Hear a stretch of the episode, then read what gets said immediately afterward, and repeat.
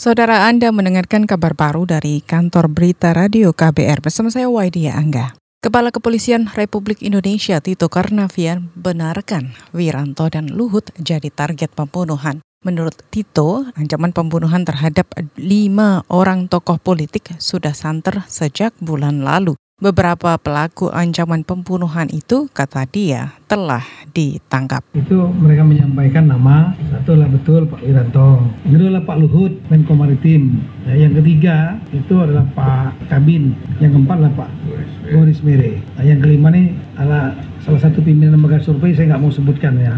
Yang jelas kami selalu sejak awal, begitu ada informasi, selalu memberikan pengamanan dan pengawalan kepada bersangkutan. Tito menambahkan nama-nama tokoh itu didapat dari keterangan para pelaku atau eksekutor yang sudah ditangkap kepolisian. Kata dia selain lima nama tokoh tersebut masih ada sejumlah pejabat lain yang mendapat ancaman serupa. Saat ini kepolisian masih memperluas penyelidikan untuk mengetahui dalang di balik ancaman pembunuhan tersebut.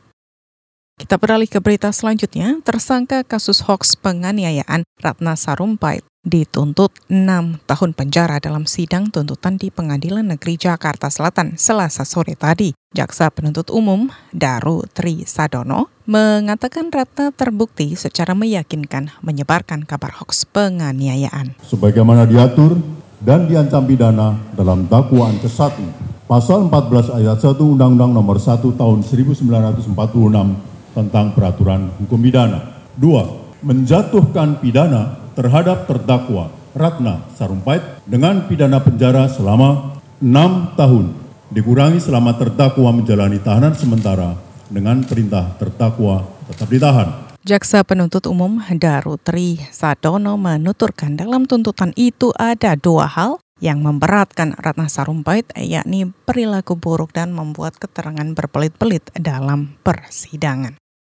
Kita beralih ke berita selanjutnya. Penyidik Komisi Pemberantasan Korupsi atau KPK menghentikan pemeriksaan terhadap Direktur Utama Nonaktif PT PLN Sofian Basir sore tadi. Kuasa hukum Sofian Basir Susilo Aribowo mengatakan pemeriksaan hanya berlangsung sekitar 30 menit sebab Sofian merasa meriang dan suhu badannya tinggi. Pemeriksaan belum masuk pada pertanyaan inti. Kurang tidur atau masih agak stres lah, masih perlu adaptasi di apa namanya di rutan. Jadi sebenarnya belum sempat diperiksa, tetapi ketika ditanya beliau meriang, merasa meriang kemudian agak panas badannya. Sehingga tadi sudah diperiksa oleh dokter, kemudian sudah diberikan obat.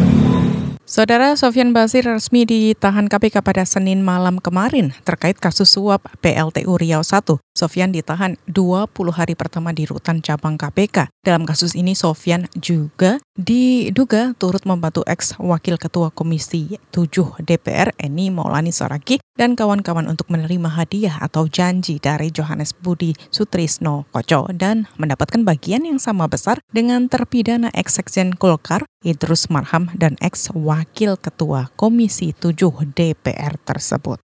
Kita beralih ke Jombang. Kepolisian Jombang, Jawa Timur mendirikan sebanyak tujuh pos pantau di sepanjang jalur arteri untuk mengamankan arus mudik lebaran tahun ini. Pos pantau juga dilengkapi dengan kelengkapan senjata, yakni empat buah senjata laras panjang dan laras pendek. Kapolres Jombang AKBP Fadli Widianto mengatakan hal itu dilakukan untuk mengantisipasi potensi kerawanan seperti aksi terorisme dan tindakan radikal yang bisa membahayakan keselamatan petugas. Setiap pos pengamanan maupun pos pelayanan selain senjata yang dipegang oleh masing-masing anggota kita tambahkan senjata laras panjang untuk kesiapan anggota uh, di pos pengamanan karena tingkat kerawanannya tinggi sehingga untuk penggunaannya itu dalam kendali masing-masing perwira pengendalinya terutama bagi yang jelas-jelas melakukan penyerangan yang membahayakan keselamatan jiwa anggota Polri maupun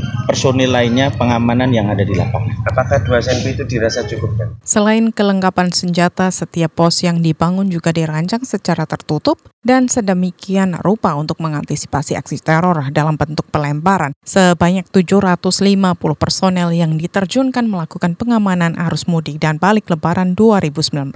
Jumlah itu terdiri dari anggota polisi, TNI, dan beberapa unsur lainnya. Saudara demikian kabar baru dari KBR saya Waidia Angga.